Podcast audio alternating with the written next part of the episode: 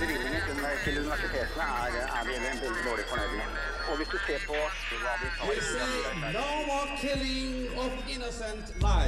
Ja, det, den saken eh, tapte vi i Soria Moria-forhandlingene. Det Men hvorfor tapte dere når alle er enige om det? Eh, Nei, det var ikke så stor enighet som eh, det Jeg kunne tror at vi møter den tradisjonelle brytningen mellom individets frihet og samfunnets ønske om beskyttelse. Lokalt, nasjonalt, internasjonalt. Nyhetsdialog går i dybden.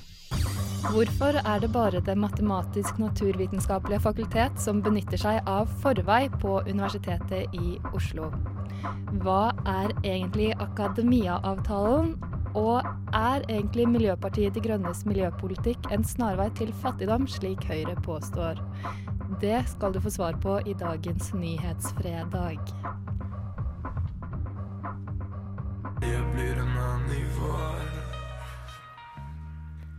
Hei og velkommen til Nyhetsfredag den 11. september. Mitt navn er Mari Nyberget, og med meg i studio har jeg tekniker Isak Ree. Litt senere i sendingen skal vi snakke med en student i Budapest, der flyktninger ble holdt igjen på togstasjonen i begynnelsen av september. Hei, jeg heter Jonas Gahr Støre. Du hører på Nyhetsfredag. Følg med og ha en fin fredag og god helg. Men før vi får en telefon fra Budapest, så skal vi ha debatt. Forrige helg hadde studentparlamentet ved Universitetet i Oslo studentpolitisk seminar, som også vi i Nyhetsfredag var så heldige å få delta på. En av foredragsholderne på seminaret var Morten Dæhlen, som er professor i informatikk og dekan ved Det matematisk-naturvitenskapelige fakultet ved UiO. Han snakket bl.a. om Akademia-avtalen, som er en avtale mellom flere norske forskningsmiljøer og Statoil. Og det skal han også få snakke om hos oss i dag. Um, vi har han med i studio. Morten Dæhlen, velkommen til deg. Takk for det. Eh, Vi har også med oss Jonas Nilsen, som sitter i styret eh, ved Grønn liste. Eh, Og Grønn liste har eh, stilt seg kritiske til denne avtalen. Og velkommen, Jonas. Tusen takk. Og kort forklart, hva går egentlig den, den akademiavtalen ut på? Det er en avtale som eh, Statoil har med en rekke universiteter rundt omkring i verden, inkludert Universitetet i Oslo. Eh, Jeg kan gå inn på vår avtale og ikke de andre sine avtaler. Vi har eh, forhandlet fram en avtale med Statoil, hvor Statoil støtter utviklingen av såkalte generiske fagområder. Fagområder med et bredt nedslagsfelt. Et eksempel på det er det som heter big data-forskning, eller datavitenskap, som vi kaller det på norsk, hvor eh, vi forsker på hvordan gjøre tilgang til store datamengder og analyse bedre. Det er jo et fagfelt som har et bredt nedslagsfelt. Statoil er selvfølgelig interessert, og energibransjen generelt. Men du har finansbransjen, du har særlig en stor vekst av interesse i helsenæringen. Og, vi, og hele akademia, alle midlene i akademiavtalen bruker vi til såkalte generiske eh, forskningsområder. Områder med et bredt nedslagsfelt. Ja, akkurat. Eh, men dere på UiO har jo sagt at dere ønsker å eh, forske på og utdanne folk innen energi, miljø og klima. Eh, men hvorfor har dere da fremdeles et samarbeid med oljebransjen? Ja, Det er to grunner til det. Den ene grunnen er at vårt samarbeid med oljebransjen handler jo også om klima. F.eks. CO2-rensing og det å sørge for at bransjen er så miljøvennlig som mulig. Samtidig så er det sånn at eh, myndighetene legger jo midler i forskningsprogrammer retta mot oljebransjen. Eh, og, derfor, og det er jo midler hvor forskerne i fri konkurranse og med sin frihet kan søke om midler. Så sånn sett så er det fortsatt en aktivitet retta mot oljebransjen ved Universitetet i Oslo. Men når det gjelder våre egne midler, de vi rår over selv, så har vi altså prioritert helt andre områder. Og vi har særlig prioritert fornybar energi, klima og miljø. Og vi har ikke prioritert å bruke våre frie ressurser, det vi har rådighet over, til eh, petroleumsretta forskning. Det starta vi med da vi tok over i 2012. Akkurat. Men Jonas, hvorfor eh, stiller dere så kritiske til eh, akademiavtalen? Nei, altså i dag så er det jo sånn at eh, Universitetet i Oslo mottar penger fra Statoil for å forske på områder som har direkte relevans for olje- og gassproduksjon. Og i en verden hvor stadig flere rammes av tørke og flom som en, eh, som et resultat av klimaendringer, så synes vi at det er uforsvarlig at Universitetet i Oslo bidrar til økt og fortsatt høy oljeproduksjon, eh, og dermed også bidrar til klimaendringer. Universitetet i Oslo burde gå foran i omstillinga til et fornybart og grønt samfunn. Mm. Har du et svar til det, Morten? Ja, jeg, altså jeg forstår veldig godt det synspunktet. Og eh, personlig så er jeg langt på vei enig eh, i at eh, vi burde, være, burde, arbeide raskere fram mot et fornybarsamfunn. Eh, det er noen kompliserte forhold rundt det, som bl.a. det faktum at eh, de politiske myndighetene i Norge de setter av ressurser til denne type forskning. Vi har tatt et standpunkt på mitt fakultet om at vi skal ikke bruke våre ressurser opp mot det. Vi skal sørge for at vi raskest mulig kommer fram til det som Jonas og de andre er opptatt av. Vi er nok litt, litt uenige om metoden. Og det er vanskelig for meg å si at ja, vi skal stå i bresjen, men jeg syns faktisk vi allerede gjør det. Eh, På hvilken å, måte? Ved å, ved å ikke ved å ta de ressursene vi har rår over, de prioriterer vi til klima miljø og en del andre områder som ikke er petroleum. Det er i hvert fall et viktig steg vi har tatt. Og så forstår jeg utålmodigheten til Jonas og co. Det har jeg stor forståelse for. Eh, personlig så er jeg ganske utålmodig selv, men vi har noen rammebetingelser og noen føringer som vi må forholde oss til. Og jeg er også veldig glad for at eh, Statoil har gått med på at vi bruker dette på områder som er generelle, og ikke utelukkende er knytta til økt oljeutvinning. Ja, jeg setter jo veldig stor pris på at uh, Morten Dæhlen sier han har forståelse for standpunktet. Men i akkurat denne saken så er ikke ord og forståelse nok. Her må det handling til. Og da krever vi at uh, Universitetet i Oslo sier opp akademiavtalen med Statoil. Rett og slett fordi at det er en uetisk avtale.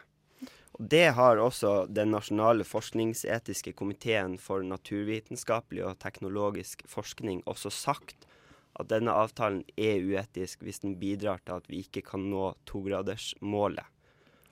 Er det aktuelt for dere å si opp denne avtalen i nærmeste fremtid? Nå har vi inngått denne avtalen for fem år, og det er ikke aktuelt å si opp den avtalen i inneværende periode. Eh, dersom Statoil vurderer å videreføre den type avtaler med, med, oss og de andre universitetene, så må vi vurdere hvilken, om, om, vi skal fortsette med det. Men det er da ett og et halvt til to år fram i tid mm. før det skjer. Ja, vi vil jobbe knallhardt for at man eh, faser ut oljeforskninga på Universitetet i Oslo. Og studentparlamentet, som representerer 28 000 studenter ved Universitetet i Oslo, har også sagt at universitetet må fase ut oljeforskning så raskt som mulig. Mm. Uh, men hvilken um, Jeg håper å si Når verdens befolkning er på over sju milliarder mennesker og fortsatt vokser, har vi egentlig mulighet til å løfte folk ut av fattigdom uten å benytte oss av fossile ressurser? Det var en veldig hopp, merka jeg, men Ja, men det er jo den andre sida av denne saken. fordi at vi mener jo at i stedet for å forske på, på områder som bidrar til økt og fortsatt høy oljeutvinning, så burde Universitetet i Oslo gå i bresjen for fornybarforskning som nettopp kan bidra til å løfte de som lever i fattigdom, ut av fattigdom. Så Universitetet i Oslo har et stort samfunnsansvar. Fram til i dag så er det helt korrekt at det at vi har klart å løfte flere ut av fattigdom, det har basert på tilgang på energi, inkludert eh, petroleumsressurser.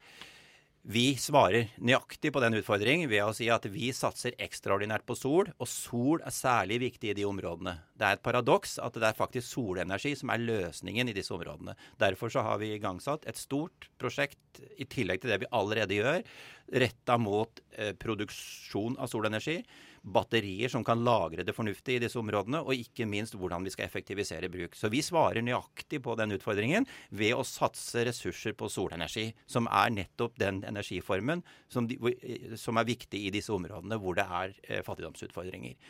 Eh, og at vi gjennom det kan bidra til å fase ut forbruk av fossilt eh, brensel. Mm. Det, det, det, er vårt, det, er vårt, svar på det. Og der mener jeg vi svarer godt. Og så kan du si at eh, skal vi da gjøre som eh, studentpolitikeren her, Jonas, mener, og, og, bare si nei til samarbeid med oljebransjen? Vi har valgt foreløpig å ikke gjøre det. For vi mener at vi gjennom samarbeid kan påvirke oljebransjen til å bli mer miljøvennlig, og kanskje bruke noe av de, den kunnskapen og den, de teknologiske ressursene de har, på fornybarområdet. Eh, det er de på ingen måte flinke nok til, og det ønsker vi å få til. Hva tror du om det? Uh, det at UiO fortsatt har et samarbeid, kan det være med å påvirke oljebransjen? Nei, altså, Her har jeg egentlig lyst til å dra en parallell. Fordi at det handler ikke bare om uh, hva man bruker pengene til, men også hvem man tar pengene fra. Hvem man får penger fra. Og man kan jo spørre seg hadde UiO tatt imot sponsormidler fra tobakksindustrien hvis formålet var å forske på helse? Svar til det, Morten. Hadde dere? Veldig godt spørsmål. eh, trolig ikke. Nei. Nei, trolig ikke. Og det samme gjelder for oljebransjen det har noe å si hvem man får pengene fra, og man kan ikke ta imot penger fra en industri som bidrar til at eh, klimaendringer ødelegger livene til millioner mennesker. Mm. Men jeg vil legge til at det er altså stor forskjell på tobakksbransjen og oljebransjen. Ja. Det tror jeg de fleste ser. Det kan jeg godt forklare, men jeg tror de fleste ser ja. det.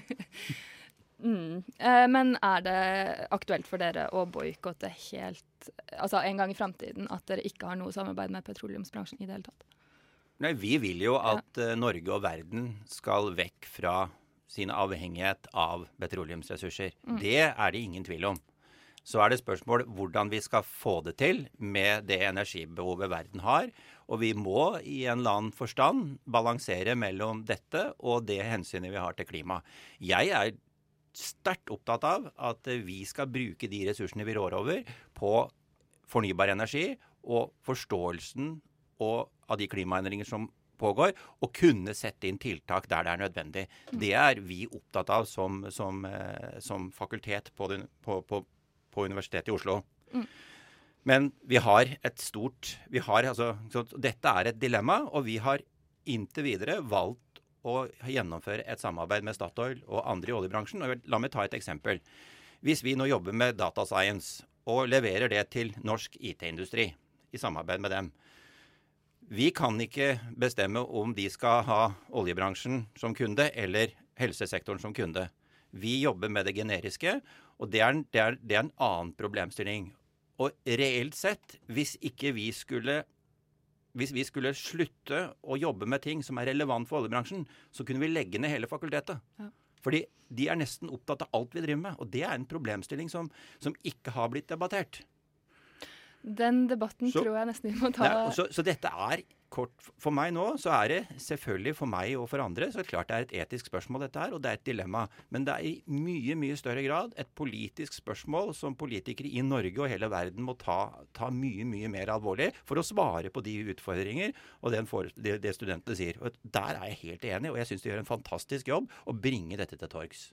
Har du et siste ord, Jonas? Ja, helt til slutt så vil jeg bare rose Matnat og Morten Dæhlen for at de faktisk også gjør mye bra. De kunne vært enda bedre. De har potensial, og det potensialet håper jeg at de griper med begge hender. Tusen takk for at dere stilte opp, Morten Dæhlen og Jonas Nilsen. Eh, nå skal vi høre Loyal Carner med 'Florence'.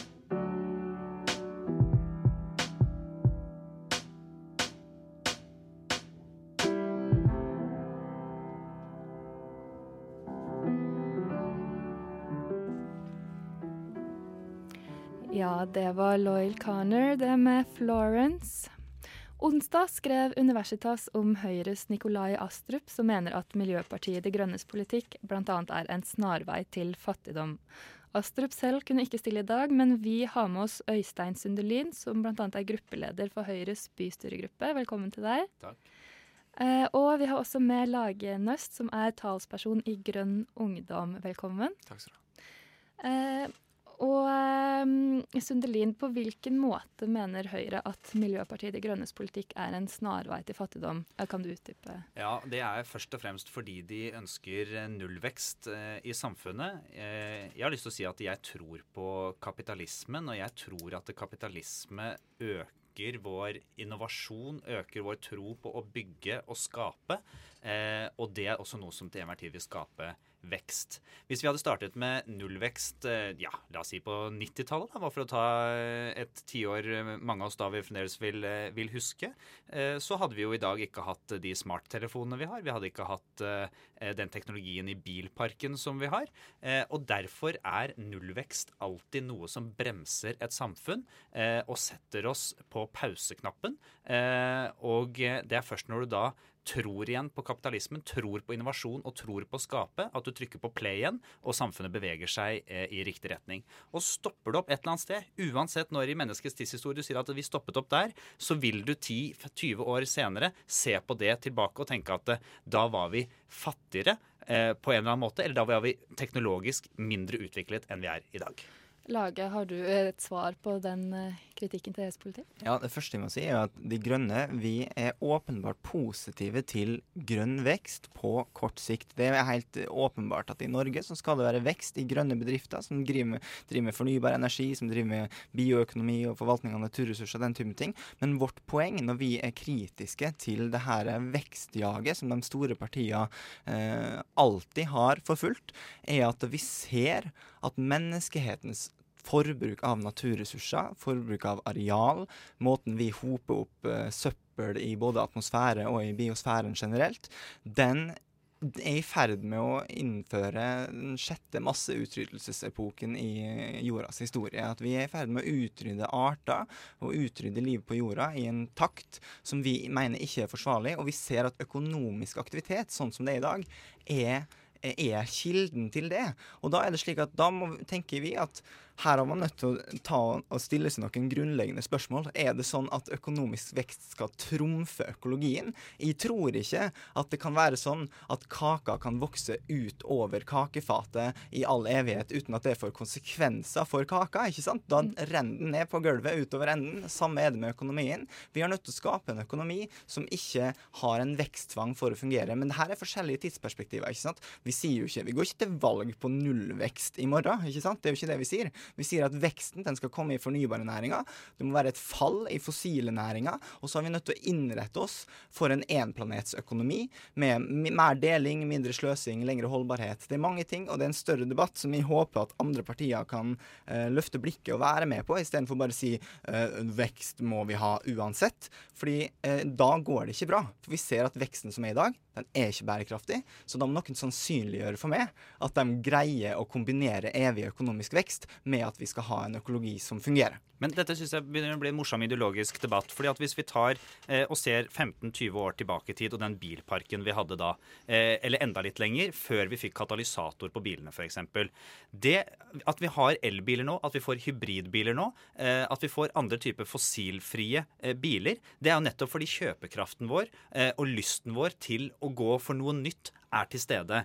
Eh, det andre eh, som jeg ville innledningsvis også si som er problematisk i Miljøpartiets program, det er at man ønsker å ta all lønnsvekst ut i fritid. Vil si at de studentene som går ut i arbeidsmarkedet nå etter dette semester eller neste semester, de starter da på en inngangslønn eh, på la oss si 300 400 000 kroner. Og det er altså den lønnen de skal ha ut arbeidslivet sitt hvis man skal lese dette programpunktet deres. Men den lønnsveksten de da skal få, skal de heller ta ut i fritid. Det gjør at de ikke vil ha kjøpekraft til å kjøpe en ny elbil. Det gjør at de ikke vil kunne kjøpe nye hybridbiler. Og da får vi ikke fart i det som også er en grønn utvikling. Det som også er en innovativ og bærekraftig utvikling. Hva har du å si til det, Laget? Nei, jeg mener at Mye av grunnen til at vi har eh, en elbilpolitikk som har skapt et marked for det, det handler jo nettopp om at man har en politikk som har lagt til rette for det. De Grønne ønsker å opprettholde de økonomiske insentivene for å få eh, et nullutslipps, en nullutslippsbilpark. Men når det gjelder det her med, med å ta ut eh, produktivitetsveksten i fritid, så det, da må man skille mellom lønnsveksten på individnivå og produktivitetsveksten i arbeidslivet som sådan. sant? For det her vil fremdeles være noe som partene i arbeidslivet skal forhandle om hvem som skal få måtte, ta en del av den kaka. Men hvordan skal du ha lønnsvekst hvis du ikke har produktivitettvekst? Nei, men det, det er jo det jeg sier. Man skal ikke, altså, men lønnsveksten eh, vil jo i så fall gjelde altså det vil gjelde bedriften, men bedriften skal jo fremdeles kunne fordele innenfor, sånn at dem som har ansiennitet osv., skal jo kunne eh, f.eks. ta en større del av den kaka. ikke sant? Men poenget er at, og poenget vårt med at vi ønsker oss et fokus på eh, økt livskvalitet, mer fritid, framfor hele tida å ta ut alltid økt kjøpekraft, det er jo nettopp det at vi vet at nordmenn i dag i gjennomsnitt vi har et ressursforbruk som er sånn at hvis alle i verden skulle ha forbrukt like mye som oss, så måtte vi hatt tre jordkloder nesten. Det hadde vi ikke sist gang jeg sjekka. Jeg tror ikke Høyre sin politikk kommer til å skape flere kloder. sånn at det, det her er en del av eh, den nytenkningen som jeg tror må til hvis vi skal greie å få et samfunn som faktisk er i balanse en balanse med livsmiljøet rundt oss. Det er jo alle enige om at vi skal gjøre. Men, eh, og så var det her med Apropos det her med biler og teknologiutviklingen der. Jeg tror ikke at det er sånn at man, eh, at man ikke kan ha utvikling i et system som, er, eh, som ikke må vokse likevel. Jeg tror man kan ha en dynamikk innenfor et system som ikke vokser. Og jeg tror det er nødvendig fordi at vi ser at kloden ikke vokser.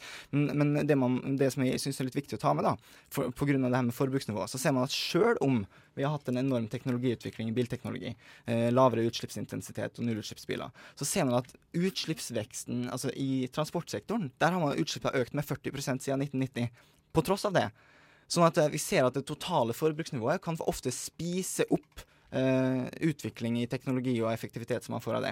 Sånn at man har nødt til å ha en debatt som handler både om teknologiutvikling, men også om å se på det totale, totale volumet av forbruket. Vi må både ha nullutslippsbiler, men jeg tror også vi må ha færre biler på sikt. Du hadde en kommentar? Ja, fordi eh, hvis eh, Innovasjon er noe av det som koster aller mest for de som utvikler nye produkter. Enten det er innenfor medisin, innenfor teknologi eller innenfor bil, da, siden vi er inne, inne på det.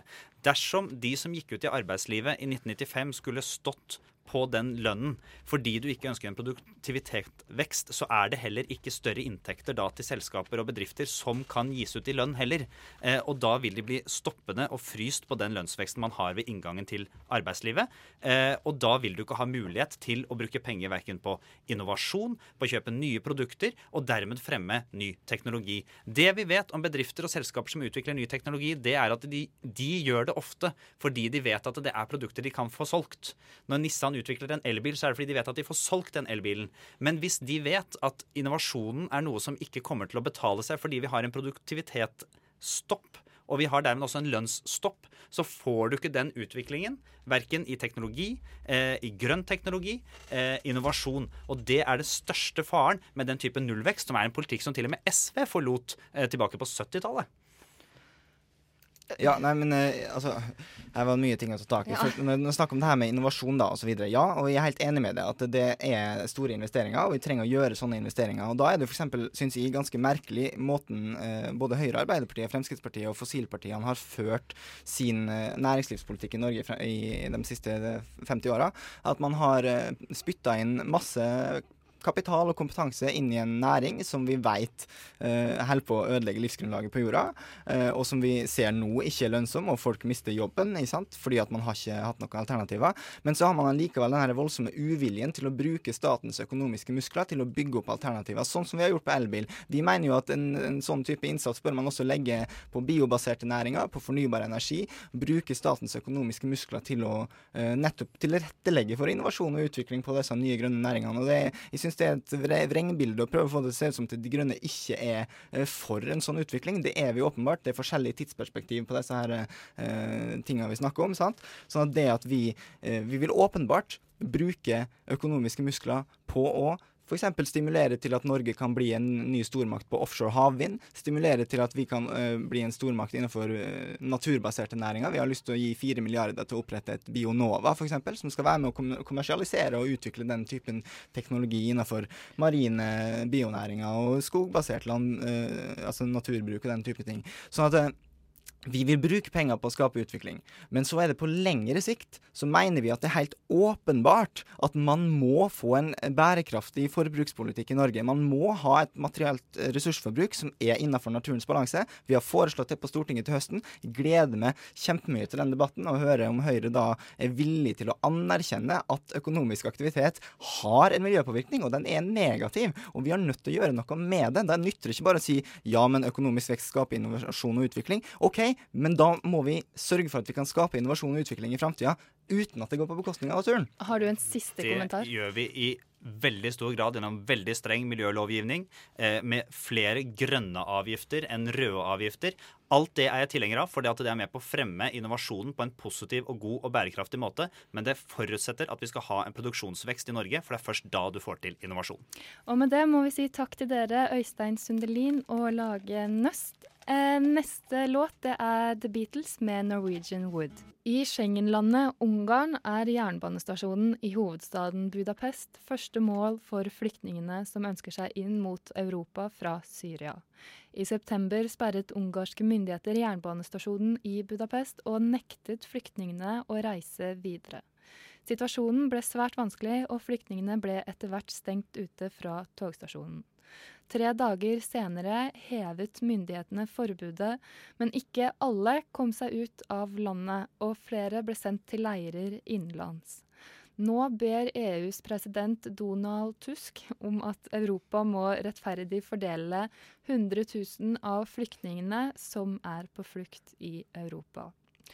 I dagene under togstasjonsstreiken stilte Budapests innbyggere opp for å hjelpe flyktningene med det de kunne. Med oss på telefon har vi psykologistudent Jenny Kaiser.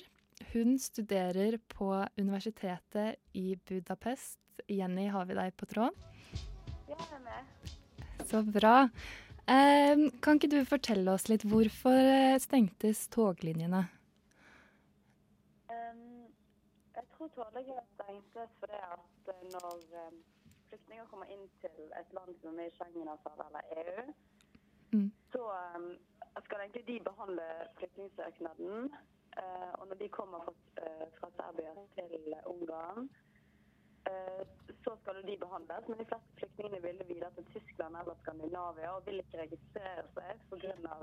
de er redd for å bli sendt tilbake til Ungarn hvis de, hvis de kommer til Tyskland uh, pga. Dublin-avtalen, som sier at du eh, når du kommer, Det første EU-landet du kommer til, det er der de skal behandle flyktningene, sånn at ikke de kan bevege seg fritt og alle skal komme til de landene som gjerne flyktningene ønsker å komme til. Ja, akkurat. Men kan du fortelle litt om din egen opplevelse av situasjonen som oppsto i Budapest da togstasjonen ble stengt for flyktningene? Eh, hvis du bor i Budapest sentrum, så merker du ingenting til situasjonen med mindre du oppsøker togstasjonene. Så i begynnelsen merket jeg ingenting, for jeg dro ikke og, og besøkte to, eh, Kileti eh, togstasjonen eh, som flyktningene oppholdt seg på. Men etter hvert ble det mye eh, aktivitet f.eks. på Facebook, hjelp flyktninger. Og veldig mange av studentene i ungdomskretsen min begynte å dra dit. Så dro jeg dit også, og det var veldig forferdelig å se. Ja, man, eh, Fikk du bidra til å hjelpe, eller? Um, den ungarske myndigheten har jo nesten ikke gjort noe utenom å sette opp et par utedoer. Så det er veldig mange studenter og frivillige organisasjoner som prøver å hjelpe. F.eks. med å gi klær, Ja. uh, kjøpe inn mat, uh, leke med ungene. Bare snakke med dem for liksom De kjeder seg veldig mye og bare få dem til å tenke litt på andre ting. Så det var vel det vi gjorde mest. Og flere enn mange nord nordmenn som har samlet inn flere tusen kroner. Og så får man beskjed om hva man trenger å kjøpe inn, og hva som er behov for. Så går man inn og kjøper det, og deler det ut. Mm. Hvordan opplevde du situasjonen til de flyktningene som du kom i kontakt med?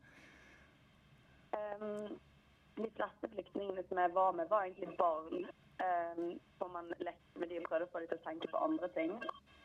Og de Det var egentlig veldig givende og kjekt å se at de kunne liksom glemme situasjonen litt og bare ha det gøy. Det, det blir utrolig gøy. Det var gøy med å få en liten boks med såpebobler og kose seg.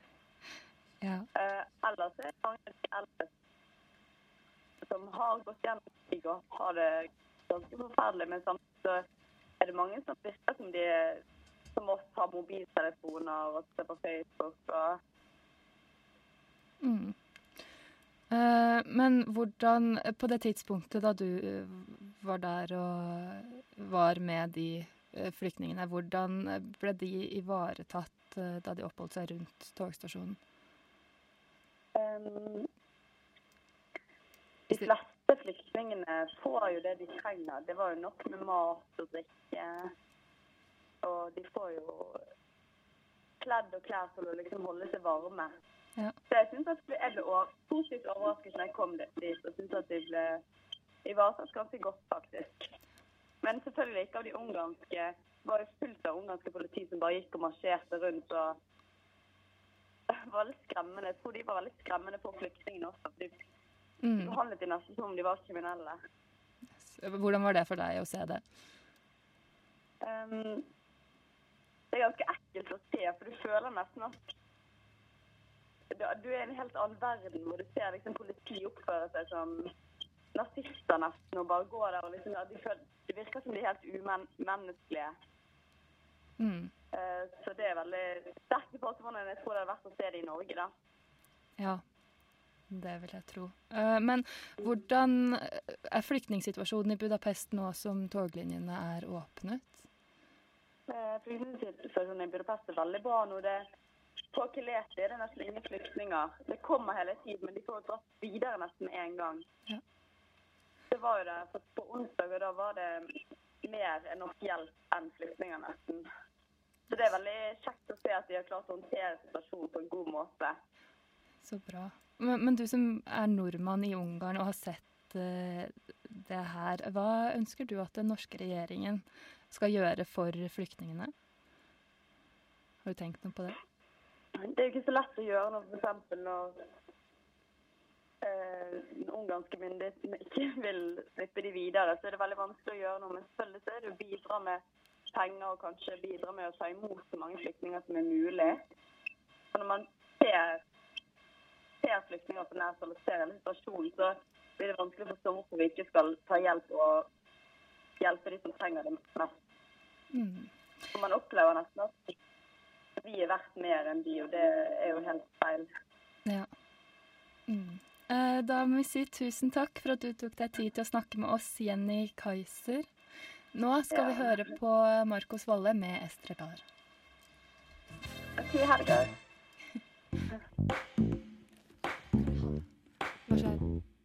Ja, der hørte vi Marcos Valle med Estrelar. I Oslo er det kun studenter ved Det matematisk-naturvitenskapelige fakultet som, ved UiO som har mulighet til å delta på noe som heter forvei, eller forberedende veiledning, som forkortelsen står for. Med meg i studio har jeg nå fått Ilan Deli Villanger, som er seniorrådgiver på, matemat på Det matematisk-naturvitenskapelige fakultet. Velkommen til deg. Tusen takk. Og eh, Ilan, kan ikke du forklare hva forvei egentlig er for noe? Ja, Forvei er et eh, tilbud eh, til studenter for å komme til samtale hos oss. Eh, det kan egentlig minne ganske mye om en slags medarbeidersamtale. Og det tilbyr vi eh, til alle våre studenter på Matnat. Eh, og det opp, vi startet det fordi at det var ganske mange studenter som sleit eh, i studiene eh, i 2006 på NTNU, og så har vi jobbet videre med det på Universitetet i Oslo. Hvor lenge har det vært på UiO? Eh, vi begynte i 2011. Ja. Så, og det trives vi veldig godt med. Eh, studentene syns det også er et, eh, et, godt tilbud. Særlig fordi vi ikke er, eh, vi er ikke terapeuter. Vi driver ikke med terapi eller prøver å ja, eh, te, altså jobbe med traumer og den slags ting. Vi jobber med studentene sånn at de får best mulig mestring og trivsel. Um, og vi gjør det i egentlig en, i en slags helhet, i en pakke eh, på Matnatt. Mm. Hvor vi tar imot studentene første dag. Hvor vi drar til Sundvolden eh, og jobber eh, med eh, å få til eh, mest mulig sosialisering, sånn at studentene kan få best mulig nettverk, kjenne seg trygge, få stolthet til det fantastiske lærestedet som vi jobber på. Og så avslutter vi da med veiledninger eh, med studentene på vårparten. Har dere sett at det prosjektet gir resultater? Helt klart. Ja, på hvilken Eh, måte? Vi ser at eh, altså, rent eh, målbare er at det er færre studenter som slutter.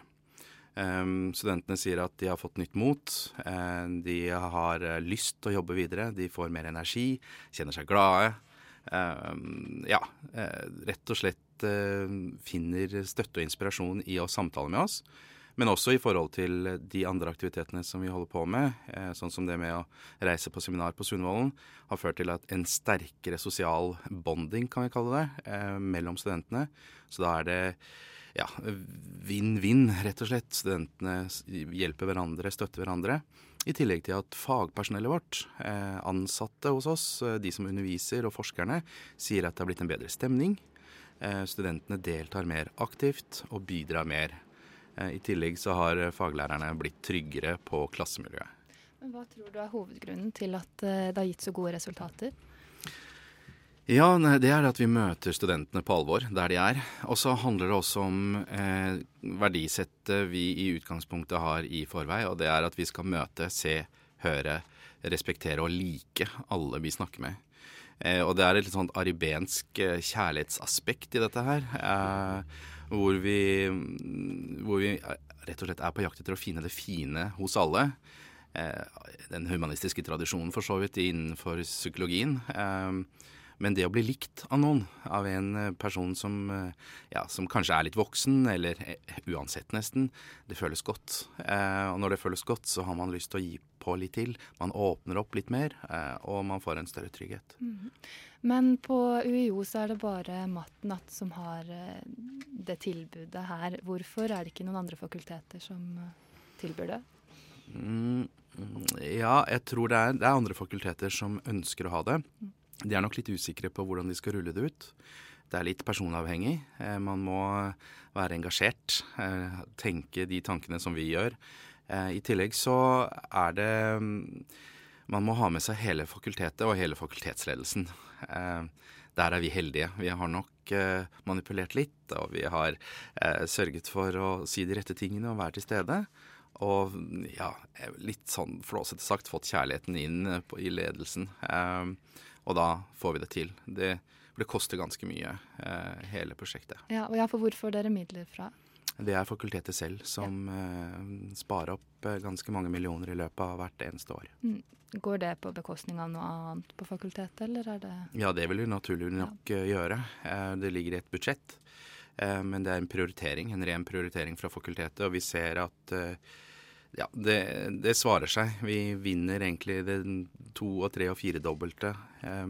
Og på toppen av det hele så er det jo sånn at vi har vært med på uh, å redde liv. Uh, vi har møtt studenter som er selvmordsnære. Uh, og det har vi klart å fange opp. Og det, man kan ikke sette pris på, på en sånt, sånn sak. Nei. Og med det må vi nesten avslutte. Tusen takk for at du kom, Ilan Deli Villanger. Um, og det var alt vi rakk i dagens Nyhetsfredag, men vi er tilbake neste fredag til samme tid. Mari Nyberget heter jeg, og med meg i studio har jeg hatt tekniker Isak Ree. Men selv om Nyhetsfredag er over, så er det ingen grunn til å skru av Radio Nova. Etter oss kommer radiotjenesten etterfulgt av Skallebank. Nå skal vi få noen ord fra ansvarlig redaktør Bjørnar Haugerud. Ukens leder skal handle om det å være en leder. Eller nærmere sagt, det skal handle om å være en dårlig leder. Eller det skal handle egentlig om én dårlig leder. Hva en leder er, er det for så vidt en vid definisjon på. Nordmenn beskriver og omtaler ledere slik det passer hverdagen deres. Jeg anser en leder som en rollefigur som viser en vei å, når det kommer til å ta valg. Dette gjør han eller henne med et visst moralsk kompass akkurat som årets lokalvalg. Lederne våre, om vi finner dem i en politisk eller religiøs sammenheng, preiker de et eller annet trossystem til oss. Vi tenker på budskapet til lederen vår og overbeviser oss selv på en eller annen måte at de har jo rett på et vis, men ofte er det bare vås. En leder som har vært eh, en partileder for et parti over 20 år, skrev en status på Facebook der han beskylder restauranter som viser givergleder til flyktninger for å være populistiske, kun gjort for egen vinning. Altså, for, altså PR for restaurantens del. Statusen har nå 4600 likes og over 1000 delinger.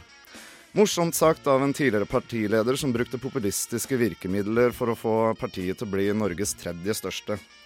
For øvrig samme fyren som var den eneste partilederen som var positiv til invasjonen av Irak, enda, Norge, enda 90% av Norges befolkning var imot invasjonen så lenge den ikke var støttet av F FN.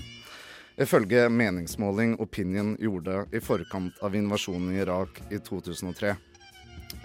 Den krigen som hadde stor innvirkning på oppveksten av ISIL, som er en stor årsak til flyktningkrisen i dag. Dette med tanke på feilslått vestlig politikk, som ikke eier læringskurve i det hele tatt. Glad vi ikke hadde samme standpunkt som partilederen den gang. Forrige uke traff jeg en flyktning fra Syria som var på besøk i studio sammen med Flyktningshjelpen. Han fortalte om flukten gjennom båtreiser, vandring gjennom Europa og for så å ankomme Norge. Mens vi var inne på temaet ISIL, eller Daesh som han kalte det, tok han fram et bilde av fetterens avhogde hode, utført av Dash. Satte ting i perspektiv. Kan for øvrig nevne at den ovennevnte tidligere partilederen vil sende båtflyktningene i retur. Bistand og veldedige organisasjoner, som f.eks. Norsk Flyktninghjelp, anmoder befolkningen om å stemme på partier som ønsker flere flyktninger velkommen. Indirekte sier de vel egentlig hvilket parti du ikke skal stemme på.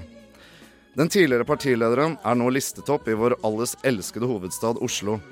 Ser ut til at befolkningen i Oslo ikke deler samme syn denne gangen heller. Ifølge meningsmålingene deler kun 5,4% av Oslo-befolkning samme syn som partiet hans. I mitt syn på flyktningkrisen er at vi skal stole på magefølelsen. Vi kan ikke bare betale oss ut av problemene våre ved å sende ressurser til nærområder. Det er mye enklere å si at vi skal sende ressurser til nærområdene, enn å håndtere en flyktningkrise. Vi mottok mange flyktninger fra Balkan og fremsto som den fredsnasjonen vi er. Solidaritet som verdensborger.